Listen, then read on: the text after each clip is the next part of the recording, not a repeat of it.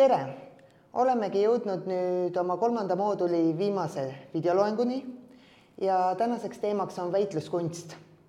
miks see üldse oluline on? eks sellest saamegi tunni käigus teada. ja kuna nagu mul kombeks on, siis ise ma ju asjadest rääkida ei oska, siis seetõttu seekord taas abiline, seekord siis Kristin Parts, sa oled Eesti Väitlusseltsi tegevjuht ja samal ajal sa oled Speak Smart või koolitaja, koolitaja. et äh, tegelikult meil tunni alguses, kuna mul on hunnik gümnaasiumi õpilasi, kes ei tea, mida tulevikus teha tahavad või kelleks nad saada tahavad, et räägime, mis ametitega sina tegeled, et äkki annad kellelegi inspiratsiooni? no mina peamiselt teen jah kolme asja. kõige rohkem teen seda, et juhin ühte vabaühendust, Eesti Väitlusselts, mis tegeleb äh, argumenteerimishariduse levitamisega Eestis ja seda ma sattusin kuidagi niiviisi tegelema, et või tegema, et ma, ma tegelesin ise väitlusega kooli ajal lihtsalt huviringi raames.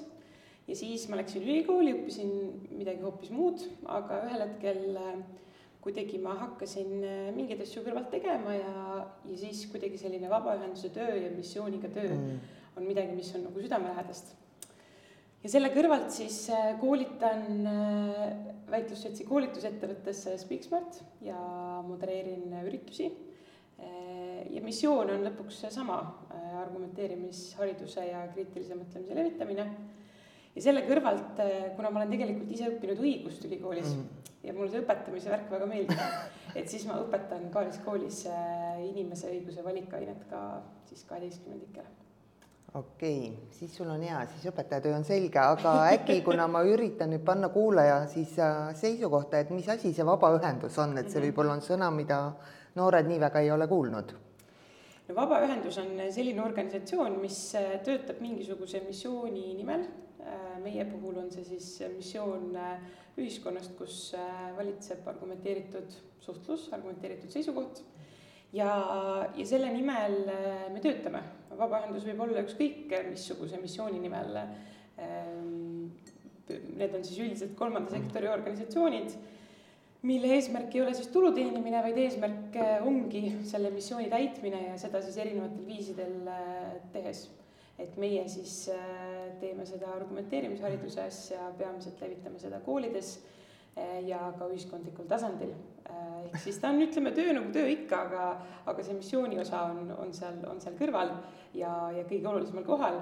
Ja, ja mulle see väga meeldib just sellepärast, et on võimalik äh, saada väga ägedat sellist äh, organisatsiooni kogemust, organisatsiooni juhtimise kogemust, aga samal ajal ikkagi äh, väga tugevalt äh, tehes midagi, mis äh, korda läheb ja mille osas sa tunned ja tead, et äh, see muudab ühiskonda paremaks okei okay,, sest ma ise olen ka väga vabaühenduste usku ja nüüd ma tahangi küsida, et väga paljud vabaühendused on hädas sellega, et, et neil ei õnnestu nagu nii-öelda oma tulu teenida mm. -hmm. et sõltub sellest, kas keegi annetab või, või saab kuskilt Euroopa Liidust raha mm. -hmm. ma saan aru, et äh, Eesti Väitlusselts on isemajandav vabaühendus või no vot, isemajandav on, on keeruline, keeruline defineerida, et äh, Väitlusselts on täna Haridusministeeriumi strateegiline -hmm. partner, äh, millest tulenevalt osa meie rahastust võib-olla siis kõige stabiilsem osa täna tuleb, tuleb ministeeriumilt ja just nimelt sellepärast, et neid samu oskuseid siis noortes just koolihariduse kaudu arendada. aga sealt kõrvalt jah, ei puudu igasugune projektitöö, projekti kirjutamine, uute rahastusallikate leidmine mm, -hmm. annetuste kogumine ja meie puhul siis ka, ka õpetajakoolituse ja muude selliste väikeste koolitustegevuste kaudu oma tulu teenimine et okay. eks see selline vabaühenduse elu on, eriti juhi elu on selline ikkagi noh, rahastusallikate tekitamine ja nende hoidmine suures osas, aga, aga selles on ka oma, oma võlu ja oma põnevus. ehk siis sobib töö neile, kellele meeldib väga erinevate asjadega tegeleda, et ja. iga päev sama töö ei ole. jah, vot see on, see on küll tõsi aga miks see väitlemine, lähme nüüd väitlemise juurde, miks ta siis nii oluline on, et Haridusministeeriumi strateegiline partner ja suur missioon, et mis siis juhtub, kui inimesed väidelda ei oska või, või? Ehm, viimaste PISA testi tulemuste kohaselt, kus Eestil üldiselt läheb väga hästi, me ju ütleme, et me oleme väga tublid äh, oma, oma haridussüsteemis ja noorte teadmiste osas, siis viimased PISA testi tulemused ütlesid, et, et Eestis iga seitsmes noor, viieteistaastane noor, teeb vahet arvamusel ja, ja faktil. Ehk siis kui anda noorele, viieteistaastasele noorele informatsiooni, tekst, sisu ette, siis kui ta peab ütlema, et kas nüüd tegemist on kellegi arvamusega või tegemist on kindla faktiga, mida ma peaksin siis arvestama iseenda arvamust mm. kujundades, siis enamus noori ei suuda seda vahet täna teha. Ja selles mõttes ka selles küsimuses me võime endale nii-öelda kiitust anda, et me oleme paremad kui keskmised, keskmine tulemus maailmas, aga, aga meie meelest eh, iga seitsmes noor, viieteistaastane noor, kes aasta pärast, pärast peaks minema või olema võimeline minema valima, ehm, kes kohe-kohe lõpetab põhikooli, peab tegema oma edasise elu osas järgmised valikud, ehm, meie meelest iga seitsmes on selgelt liiga vähe. Ja, ja väitlus ehm, on tegevus, mille kaudu arendada oskuseid, mis aitavad noorel informatsiooni tarbida, kriitiliselt mõelda ja seda eriti tänases ühiskonnas, kus äh, selline infoküllus, infokogus on oluliselt suurem, kui ta oli mõni aeg tagasi. Äh, informatsiooni äh, kättesaadavus, see, kui palju infot ma võin omandada väga lihtsasti, on palju suurem, aga samal ajal, eks ole, sellel on ka ohud, et kas ma oskan seda infot, õiget infot üles leida kas ma oskan sellesse infosse kriitiliselt suhtuda, kas ma tean, millist infot ma peaksin oma, oma otsuste tegemisel üldse kasutama. ja, ja samal ajal, kui ma kuulan, eks ole, teisi inimesi ühiskonnas või enda ümber, et, et kuidas ma, kuidas ma saan aru, kas see, mida nad, mida nad ütlevad, kas see on mõistlik, kas kas minule esitatakse põhjendatud, selgitatud argumente, mille pinnalt mina peaks oma otsuseid tegema või, või minule lihtsalt räägitakse väga hästi, väga kõva häälega ja selle mündi, mündi teine külg, eks ole, on minu enda oskus iseennast väljendada.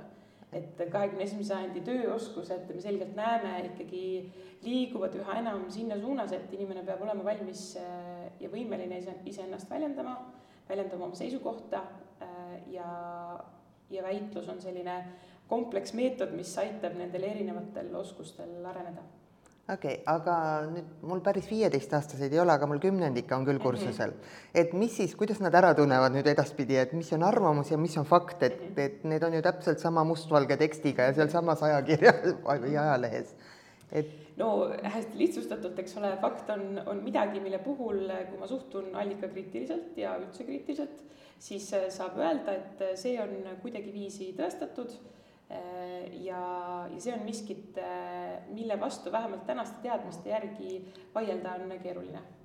arvamus peaks olema miski, mis on kellegi, kellegi poolt välja öeldud, äh, mis ideaalses maailmas põhineb samamoodi faktidel, aga millele tõenäoliselt leidub ka vastupidine nägemus. ja see on ühiskonnas väga tore, arvamuste paljusus, nende kaudu erinevate ideede arendamine, lahenduste leidmine, see kõik on väga positiivne aga oluline on see, et, et kui minule presenteeritakse infot, et siis äh, ma saan aru, et kas, äh, kas selle info pinnalt nüüd mina peaksin mõtlema, mida mina arvan või, või äh, selle info ma peaksin omaks võtma, aru saades, et see, see on tõenäoliselt tõsi ma ise proovisin ka, ma nüüd mingi siin vanas eas läksin ülikooli ja siis mingi hetk Tartus, kui olin, käisin paar korda Tartu väitlusklubis. ja seal ju tegelikult on see, et võetakse kaks poolt ja mõlemad otsivad uniku fakte, mida presenteerida mm. -hmm et mida see mulle ikkagi tähendab. ma tahan selgeks teha, et kui mul on mingi fakt, kas siis ma saan uskuda, et minul ongi õigus? Ehm, ma arvan, et fakt ise ei, ei anna õigust äh,. aga, aga see kindlasti viib mind, viib mind nii-öelda tõele lähemale, nii palju, kui meil seda tõde üldse, üldse ühiskonnas parasjagu on äh,. väitlus õpetab mulle oskust, mida ma nende faktidega siis edasi teen. et me elame ikkagi ühiskonnas, kus, kus on väga palju tõde ja väga palju fakte ja väga palju teadmisi. ja tihti need teadmised ka omavahel konkureerivad, et on väga vähe küsimusi, milles me saame öelda, et see asi on kindel või nii, nii täpselt on.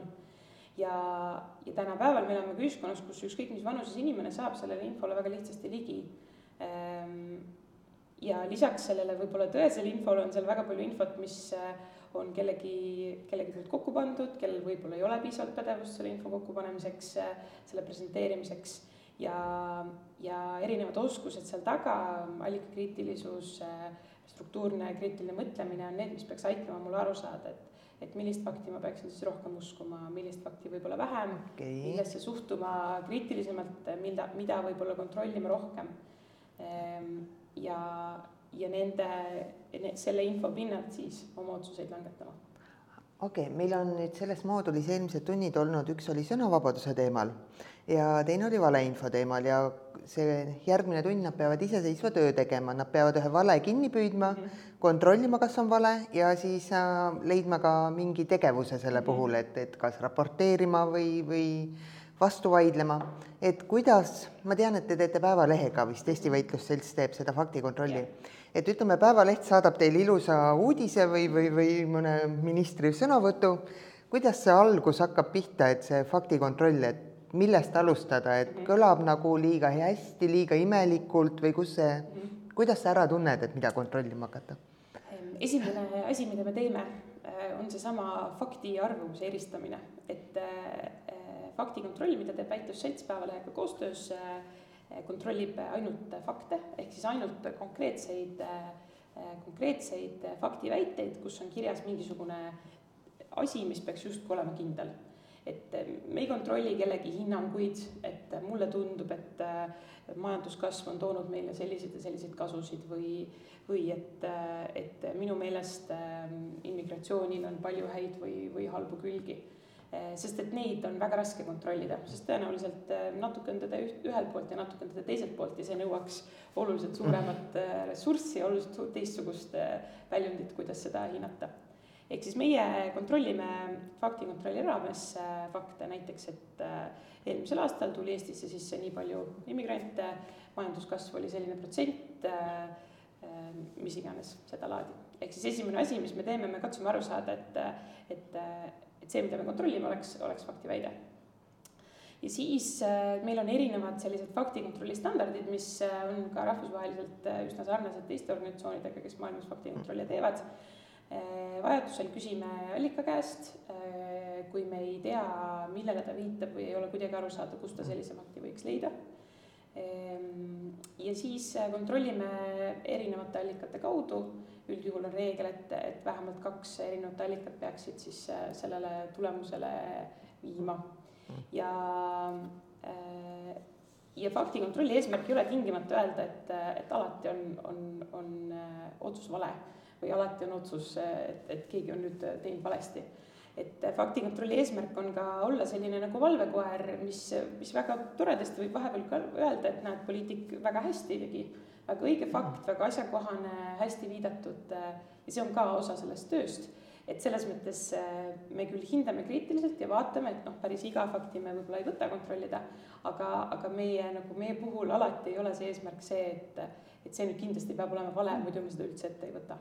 et ta võib ka olla õige, lihtsalt üllatav jah, just. Ja, ja eks seal on natuke sellist äh, subjektiivsust ikka, et, et mis siis nagu kontrolöride ja erinevate osapoolte meelest siis võib-olla selline nagu oluline fakt parasjagu on, et me ikkagi hindame seda, et miks, miks me just parasjagu sellist fakti kasutame, et kas, kas see on mingil ühiskondlikult olulisel teemal, äh, kas see on just nimelt väga üllatav, äh, kas see on midagi, mis peaks inimesi kuidagi ekstra mõjutama, ehk siis me sellist olulisuse kriteeriumit ikkagi rakendame aga, aga taaskord, et, et tingimata ei pea kõik olema vale, lihtsalt oluline on see, et või miks maailmas üldse faktikontroll ju tekkis formaadina, et ega ta ju ei tekkinud siin meie, meie käes, ju tekkis ju peamiselt sellepärast, et, et nähti, et üha rohkem poliitilisel tasandil üle maailma kasutatakse fakte, kasutatakse erinevaid teadmisi, mis peaksid inimesi mõjutama, aga, aga vahel juhtub nii, et et võib-olla mõni poliitik ei ole enne kontrollinud, et kas see tema fakt vastab ka tõele.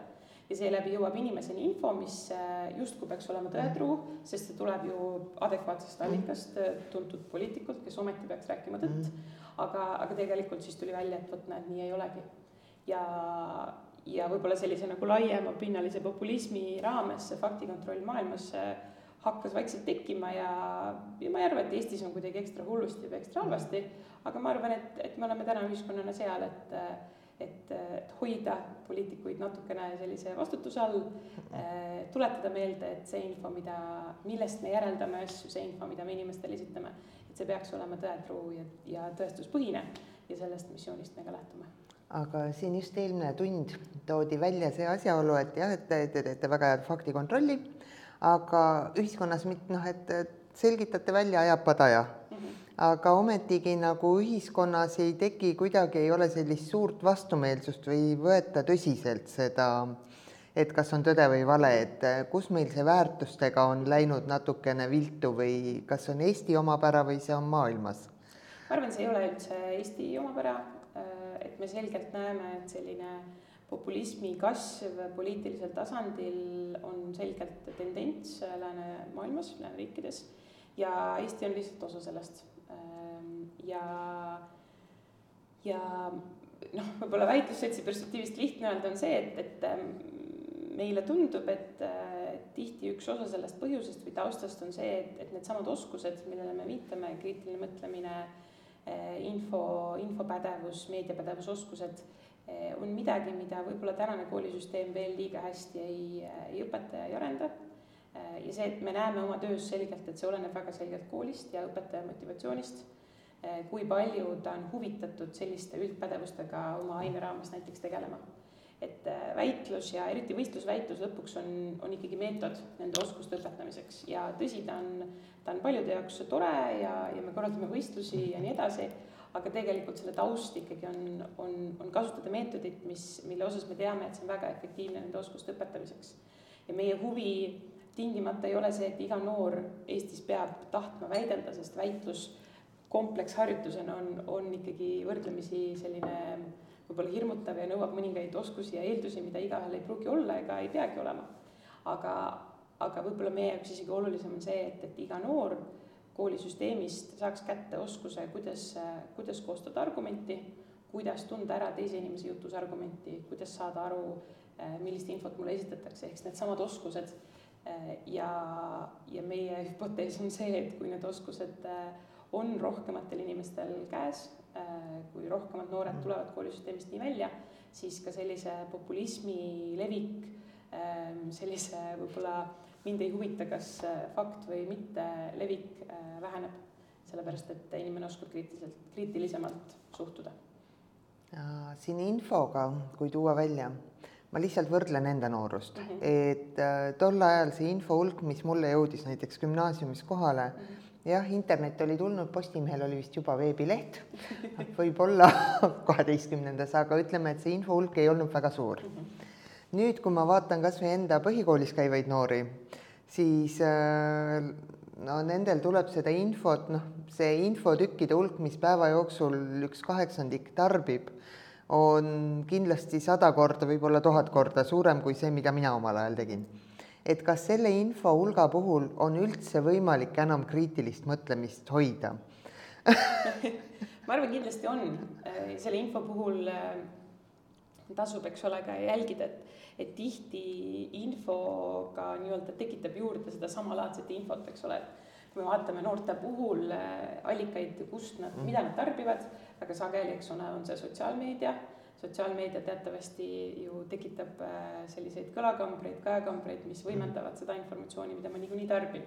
mis tähendab, et, et ligipääs üldse sellele objektiivsele informatsioonile, kui ma juba algusest peale seda ei ole valinud, äh, on piiratud ja, ja igal sammul see, et, et ma tunneks ära äh, ja oskaks aru saada, mida ma siis tarbin ja mis informatsioon mul, mul on Eh, selle jaoks see kriitilise mõtlemise oskus ja meediapädevusoskus, infotarbimisoskus ongi oluline. ja, ja muidugi on raske, minul on ka raske isegi oma selles Kaja Kambris, kus mulle meeldiks mõelda, et on mõistlik info. Ehm, aga tihti ikkagi juhtub nii, et, et raske on aru saada võib-olla teisest osapoolest, raske on näha, et, et miks, miks teine inimene võib nii mõelda või niimoodi uskuda.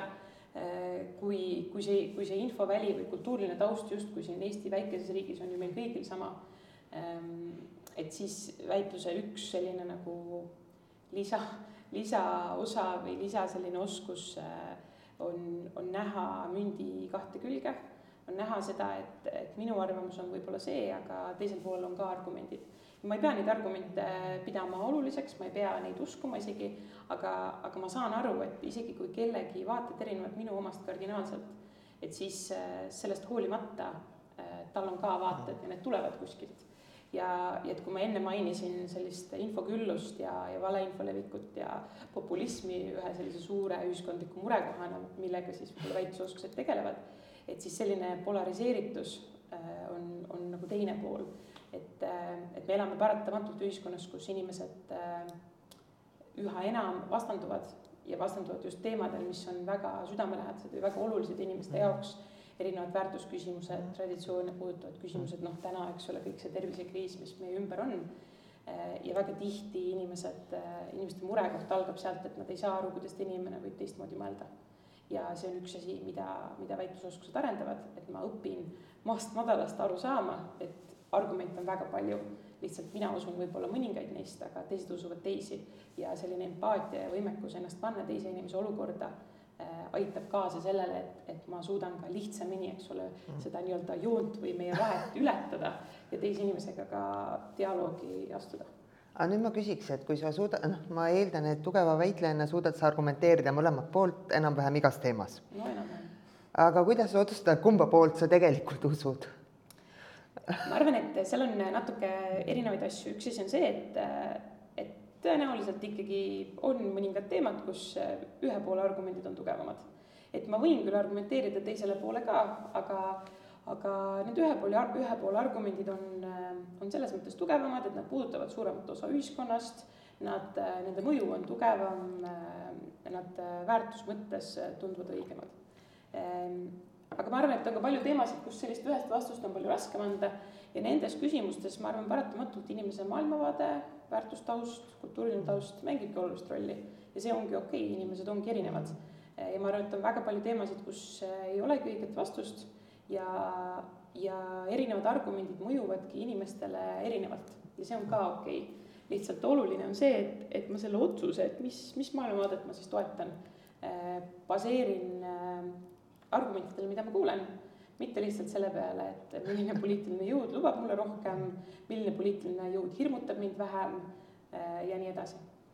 okei okay., aga sa nüüd mitu korda oled toonud seda, et nooreb väitlust, mis vanusest, ütleme, peaks tegelikult või on üldse noor inimene valmis nagu nii ühiskondlikku debatti või, või seda sügavamat analüüsi tegema, kuna seal on ju mingi kontekst vajalik ma ütleks niiviisi, et äh, argumenteerimisoskuse omandamiseks ei, ei ole sellist vanust.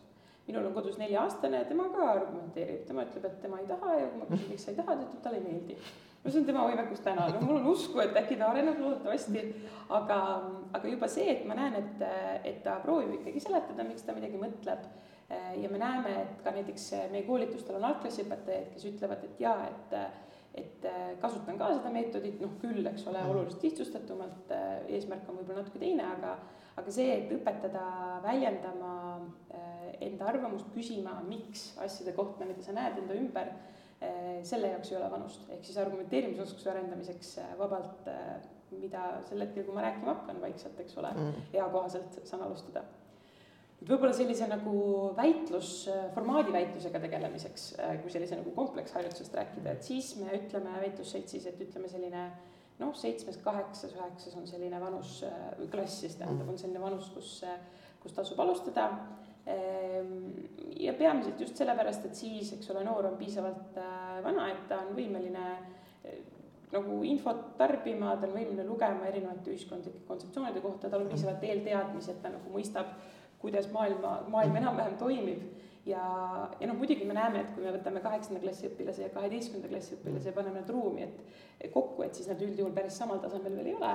aga, aga selline, ütleme, kolmas kooliaste on, on juba täiesti, täiesti okei okay.. aga kui nüüd tahaks mingi hetk, ma kusjuures mõtlesin täiesti väitlemise peale, kui mul natuke rohkem aega siin elus oli, oli ilus aeg aga, aga noh, tol hetkel ma nagu ei suutnudki leida, sest ma nägin, et TTÜ-s oli, aga see tundus tudengitele, kuna ma too hetk noh, kuskil ei õppinud mm, -hmm. siis mina jäin hätta, noh, ma olin mhm. täiskasvanu yeah.. aga nüüd, kui nüüd mõni noor mõtleb, et õpiks seda väitlemist ja natukene, et kus või kuidas seda üldse, kes õpetab mm? -hmm.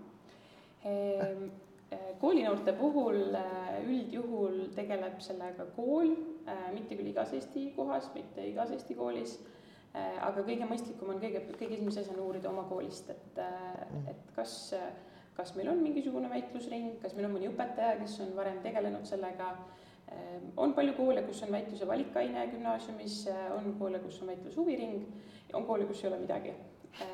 kui mina nüüd olen sellisest koolist kus ei ole midagi, et siis kindlasti tasub väitlusseltsile kirjutada ja, ja me kibekiirelt katsume leida lahendusi nendes kohtades. et suuremates linnades on võimalik liituda näiteks mõne muu kooli väitlus, väitlusklubi, väitlushuviringiga, et üldjuhul väitlusklubide juhendajad on, on avatud sellele ja koolid samamoodi, et ja Tallinnas noh, tegutseb ka ülelinnaline väitlusklubi aga võib-olla väiksemates kohtades jah, kus see ligipääs on, on väiksem, et siis äh, me, meie poole ikka jõuab noori pidevalt, kes äh, tulevad selle küsimusega, et minu koolis vist ei ole, mida ma võiksin teha, ja siis äh, me aitame koos mõelda. on koole, kust sellest on saanud alguse midagi, on koole, kus see läheb raskemalt, aga, aga sellist nagu võistlusväitluse aktiivset tegevust on, on võimalik teha aga täitsa nii, et mul on mina ja mu kaks sõpra ja isegi kui mul koolis midagi ei toimu, et siis väitluselt aitab natuke kaasa ja on võimalik tegeleda, tegeleda ka siis. et vähemalt kaks peaks olema?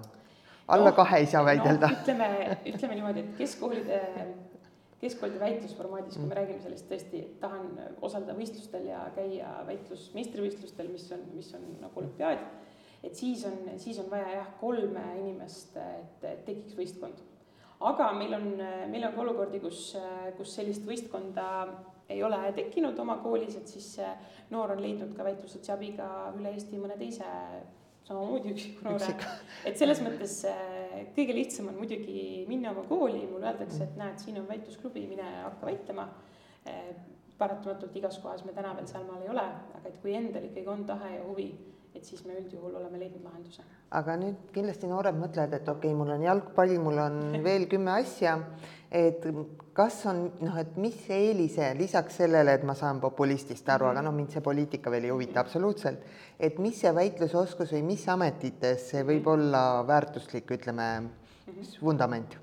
see on hea küsimus, mina läksin väitlusklubisse üheksandas klassis ja mina olin esimesest klassist saadik mänginud tennist hästi palju mänginud tennist, viis-kuus korda nädalas, mulle väga meeldis ja siis, siis ma läksin, ma ei teagi, miks ma sinna väitlusklubisse sattusin ja läksin sinna ja mulle hakkas meeldima ja siis noh, ühel hetkel ma tennist enam ei mänginud sellisel, sellisel hulgal ja ega ma päris täpselt ei tea, miks, ma arvan, et tõenäoliselt sellepärast, et minule lihtsalt selline nagu mõttesport, mõttemängud, oma, oma aju harjutamine, see oli minu jaoks lõbus ja põnev ja ma ei ole kindel, kas ma üheksandas klassis mõtlesin nende oskuste peale, mis ma, mis ma saan mm mul oli tore, ma sain palju sõpru, kõik sellised huviringidega kaasnevad mm. tavapärased asjad, mis juhtusid, kõik minul juhtusid. küll aga täna, kui meie noored tulevad, siis väga sageli neil on seesama küsimus, et mis ma siis nagu saan või mis ma oskan või mis ma õpin.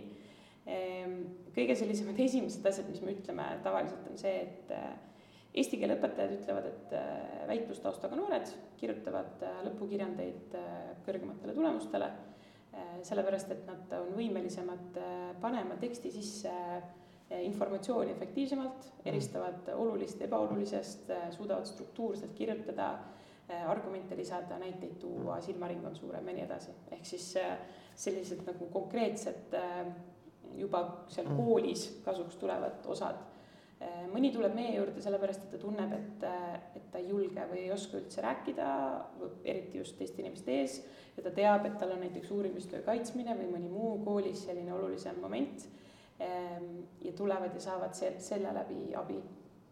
Äh, ülikoolide sisseastumisintervjuud, mida tänapäeval on üha rohkem Eestis ka, on taaskord üks koht, kus, kus noored ütlevad, et väitlusoskustest on kasu ma suudan demonstreerida oma silmaringi, sest ma olen mitu aastat tegelenud alaga, mis, mis õpetab mind äh, või mille, tänu millele ma olen uurinud ja lugenud paljude erinevate teemade kohta, äh, on see siis välispoliitika, on see, on see sise, siseriiklikud küsimused, väärtusküsimused, et mul tekib mingisugune selline silmaring, mida võib-olla teisel keskmisel noorel ei ole. Sealt edasi juba noh, ülikoolis endas, eks ole, on, on üha rohkem selliseid õppevorme, mis nõuavad ikkagi kas kirjalikku või suulist eneseväljendust ja argumenteerimisoskust, eh, mis taaskord annavad siis mulle nagu lihtsama võimaluse hakkama saada.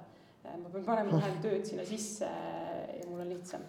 ja noh, ametite mõttes, eks ole, noh, kõik ametid, mis, mille eeldus on see, et, et ma suhtlen, eh, on, on need ametid, kus, kus väitlusoskused kindlasti mind aitavad ja, ja noh, me ei, me, meil ei ole nii, et, et kõik, kõik väitlejad teevad ühte sama ametit, noh, võib-olla seal mõned tendentsid on, et seal võib-olla noh, juura ja kommunikatsioon ja ajakirjandus ja noh, mingid sellised äh, suunad ikkagi on, mis natuke välja joonestuvad, aga, aga meil on, on väitlusvilistlasi, kes teevad täitsa igasuguseid erinevaid asju ja täna matemaatika ja füüsika süva. just, ja täna ütlevad noh, näiteks ka teadlase karjääri puhul, äh, kuidas on ikkagi väitlusoskused neid aidanud või või meil on siin viimas, viimastel, viimaseid vilistluslugusid oleme teinud äh, Äh, kuidas ka ähm, filmitegija ütleb, et argumenteerimisoskusest on talle väga palju kasu olnud äh, teadlane, noh ja nii edasi, eks ole, et et ähm, ma arvan, see on selline nagu maailmapildi ja, ja, ja, ja mõtlemisvõime arendamine, mis lõpuks, mida ma ei oska nagu, mina samamoodi üheksandas klassis väitlema minnes, ma ei osanud, ma ei osanud midagi arvata sellest, aga tagantjärele on see, mis ma näen. aga olgu, väitlemine on jumala kasulik aga räägime nüüd veidikene sellisest tumedamast poolest, ütleme, dark side of väitlemine mm. -hmm. Et ka manipulatsioon, demagoogia ju tegelikult kasutavad üsna palju seda väitlemise elementi, et nad -hmm. nad ju argumenteerivad, nad tunduvad jumalast noh, mõistlikud, aga mille poolest erineb nii-öelda ütleme näiteks demagoogia korralikust väitlemisest mm -hmm. ja mis on demagoogia võib-olla? demagoogia on, on kõige lihtsustatumalt äh, mõtlemisvigade ja, ja erinevate veenmistegurite kasutamine, mis ei ole eh, argumenteeritud sisu, eh, nende kasutamine siis inimese mõjutamiseks. hästi lihtsustatult eh, on, on mitu erinevat veenmistegurit, mis inimesed, inimest mõjutavad. meile väitlusseltsis meeldiks mõelda, et argumenteeritud suhtlus ja väga hästi argumenteeritud sisu on see ainuke peamine, aga paratamatult nii ei ole. inimest mõjutavad väga emotsioonid inimest mõjutavad väga maine või see, kellega ma parasjagu suhtlen. Ja tihti need erinevad muud tegurid, äh, kui inimene astub ruumi, ma alateadlikult teen päris palju järeldusi inimese kohta juba enne, kui ta üldse oma suu lahti teeb. ja, ja need erinevad äh, tugevad emotsioonid ja mõtlemisvead, mis, mis inimestel irratsionaalsusest tekivad, on need, mida demagoogia kasutab. noh, näiteks hirmutamine ehk siis kasutades äh, võib-olla sõnu ja, ja selliseid seoseid, mis tekitavad inimeses hirmu, äh, võtab inimesel äh, vähemaks tema võimekust parasjagu hinnata, et kas, kas selle hirmu taga on ka argument või seal taga on tegelikult mingisugune mõjutamisviis, sellepärast et hirm on nii tugev emotsioon, et inimene hirmu pinnalt on palju asju valmis tegema. samamoodi muud demagoogia võtted, noh, üks tavapärasemaid samamoodi inimese ründamine, mitte inimese sisu ründamine. et noh, sina seda küll öelda ei saa, sest et sina oled paduliberaal või, või süvakonservatiiv, et järelikult see, mis sa ütled, see on kindlasti jama. Ehm, mõtlemata sellele, et kas see, mida ta päriselt ütleb, on siis argumenteeritud sisu või mitte. ja, ja selles mõttes demagoogiat äh, kasutavad kõik inimesed lõpuks, sest et me kõik oleme omajagu irratsionaalsed, me kõik omajagu teeme neid loogikavigu ja sellepärast demagoogia ka töötab noh, väitlusoskused äh, annavad suurema eelise selle jaoks, et ma ise kasutan vähem demagoogiat ja veel enam, et ma tunnen siis äh, ära, kui teine inimene minu vastu demagoogiavõtteid kasutab. okei okay., sest põhilised demagoogiavõtted on seal arutleva hariduse õpikus olemas, on ju, mhm. see link tuleb noortele ilusasti siia video alla ja see, panen ka leheküljed juurde, mis on kohustuslik lugemine selles tunnis peale videot et ära tunda, et ka tegelikult demagoogia võib ka ju liigitada valeks, et kui nad otsivad valesi, et kui keegi kasutab demagoogia nippe, siis see on ju valeinfo. jah, noh jah, selles mõttes küll, et et ta üritab, ta loob, eks ole, inimese jaoks vale kuvandi, ta loob vale seose, mis on loodud nii, et inimest, inimese enda irratsionaalsuse tõttu ma olen seda tõenäolisem uskuma. ja, ja selles mõttes on ta tõesti inimese eksitamine ja eriti, kui seda on teadlikult tehtud, eks ole. vot siin ongi nüüd tahtlikkuse küsimus, see on ka selline huvitav, et et kui ma olen hea väitleja, siis ma ja ma tean ka kõiki neid nippe mm, -hmm. siis äh, tegelikult ma ju saan seda kõike tahtlikult teha, samal ajal võib-olla mõni inimene, kes on selle kuus seitsmendiku hulgas, võib-olla ka peale gümnaasiumi lõpetamist mm, -hmm ta isegi ei saa aru, et kui suur osa ühiskonnast praegu nii-öelda eksib selle hea väitlustavade vastu seetõttu, et nad tahavad, teadlikult eksivad ja kui suur ühiskonnast kipub eksima lihtsalt seetõttu, et nad ei mõtle selle peale.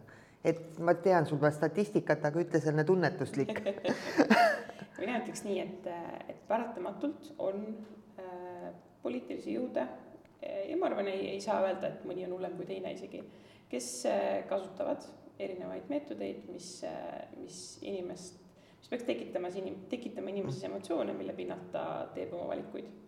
ja, ja suunama inimest siis ära sellelt, et ta kaalutleks äh, oma, oma otsuseid läbi või kaaluks oma otsuseid läbi. inimesega on nii, et, et äh, ratsionaalne mõtlemine, otsuse kaalumine, erinevate argumentide hindamine on inimese ajule hästi, hästi koormav ja sellest tulenevalt inimese aju on ehitatud niiviisi, et, et me väga palju oma otsuseid teemegi hästi-kiiresti, hästi vastikult äh, erinevate stiimulite pinnalt. ja see ei ole tingimata halb asi, see on selle jaoks, et me jõuaks siis ka vahepeal teha rasket ratsionaalset mõttetööd ehm,.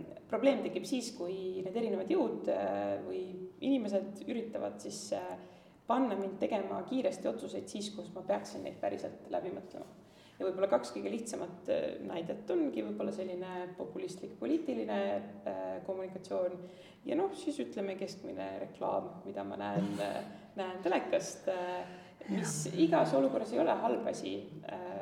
Reklaamil on kindlasti väga palju positiivseid asju ka, aga tõenäoliselt reklaami miinusküljed tekivad siis, kui reklaamis kasutatakse võtteid, mis panevad inimesi kiireid otsuseid tegema teemadel, kus nad peaksid neid läbi mõtlema, võib-olla tervist kahjustav käitumine, finantsotsused, erinevad kohad, kus eh, noh, võib-olla vahet ei ole, kas ma ostan täna perselit või ajaksit, eks ole, aga võib-olla on vahe, milliseid finantsotsuseid ma näiteks teen, et sellistes olukordades võib-olla see ohu, ohu küsimus on suurem.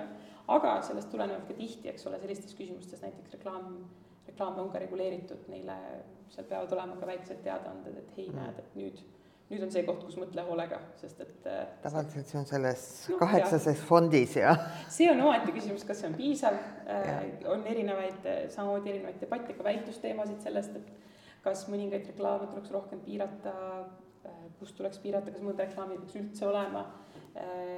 ja noh, nii ju ka on, et mõningaid reklaame ei olegi enam lubatud teha või inimesteni viia, et, ähm, et eks see on selline riiklik kaalutlemisküsimus.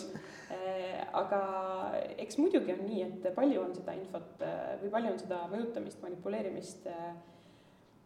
aga, aga taaskord, et kuna see, kuna me ei jõua inimestega tõenäoliselt kunagi sinnamaani, et seda üldse ei ole, et siis noh, meie perspektiivist olulisem on see, et, et inimesel oleks oskused ise aru saada, et. et ma otsustan, millal ma lasen manipuleerida ja millal mitte aga sellega seoses mulle näited meeldivad, et äh, kindlasti viimasel ajal on meedias, et võib-olla tooksid välja nii-öelda mingi kaks telge, kus tegelikult mõlemal poolel on olnud neid argumente. aga noh, ütleme, ühel võivad tugevamad, nõrgemad olla, aga kus sa oled jälginud huviga, et kus noh, ärme lähme päris sinna võib-olla Vabaduse väljaku ja sellise, ütleme, kus, kus, kus on väga raske ühele poole. et mingi, mis on olnud põnev ühiskondlik debatt viimase aasta, poole aasta no ma arvan, ilma selleta, et minna sinna Vabaduse väljakule, et, et ega seal koroona teemas on, on väga palju selliseid debatte. ja noh, muidugi koroona, koroona puhul, eks ole, üks suur põhjus, miks väga raske on seda debatti hinnata või seda jälgida, on see, et, et noh, nüüd täna võib-olla veidi vähem, aga, aga alguses eriti oli nii palju infot, mida me ei teadnud. ja sellest tulenevalt inimesed pidid argumenteerima, tegema otsuseid vastavalt sellele, mis mis info meil parasjagu oli ja noh, täna me teame, et kõik see ei olnud võib-olla kõige tõesem, aga eks meil oli see, mis meil oli ja sellega pidime otsuseid tegema. Aga ma arvan, kõik sellised küsimused, et kui palju piiranguid äh, on äh, adekvaatsed, mitte terviseküsimustes, eks ole, kus võib-olla on mingisugused õigemad, selgemad vastused, aga aga just küsimused selles osas, et kui palju riik äh, võib inimest piirata, kui palju, kui palju see on lõpuks inimese enda otsus, kui ta paneb oma tervise ohtu kust maalt enda tervise ohtu panemine mõjutab piisavalt kedagi teist, et, et seda tuleks piirata. Et, et kõik võib-olla sellised nagu inimese ja, ja riigi vahelised küsimused, mis meil ka igapäevaselt muidu on kogu aeg, eks ole, teemaks, et et kui palju riik võib, võib piirata mind erinevates muudes olukordades, kui palju, ma ei tea, riik võib privaatsust rikkuda selle nimel, et turvalisust meile tagada, et need küsimused on kogu aeg üleval. Lihtsalt koroonaaeg selles mõttes on olnud põnev, et et kuna nii aktiivseid ja sellisel kujul piiranguid ei ole ju kunagi varem või ütleme, meie viimasel ajal olnud ja enamus inimesed ei mäleta selliseid mm. väga erakordseid aegu üldse, et siis äh,, eriti just noored inimesed, et siis äh, kõik sellised küsimused, et, et, et kui palju siis, kus see inimese ja riigi suhe on ja, ja ja mille jaoks riik meil on ja mis hetkedel riik ütleb, et nüüd inimene arva, mis sa tahad, aga nüüd on nii. Sellised küsimused on väga põnevad ja need on väga sageli ka ütleme väitlustes noortega ühed, ühed põhi, põhiküsimused, et me võib-olla seal alustame prostitutsioonist ja kanepist, aga, aga lõpuks needsamad küsimused on, on ühiskonnas meil kogu aeg üleval.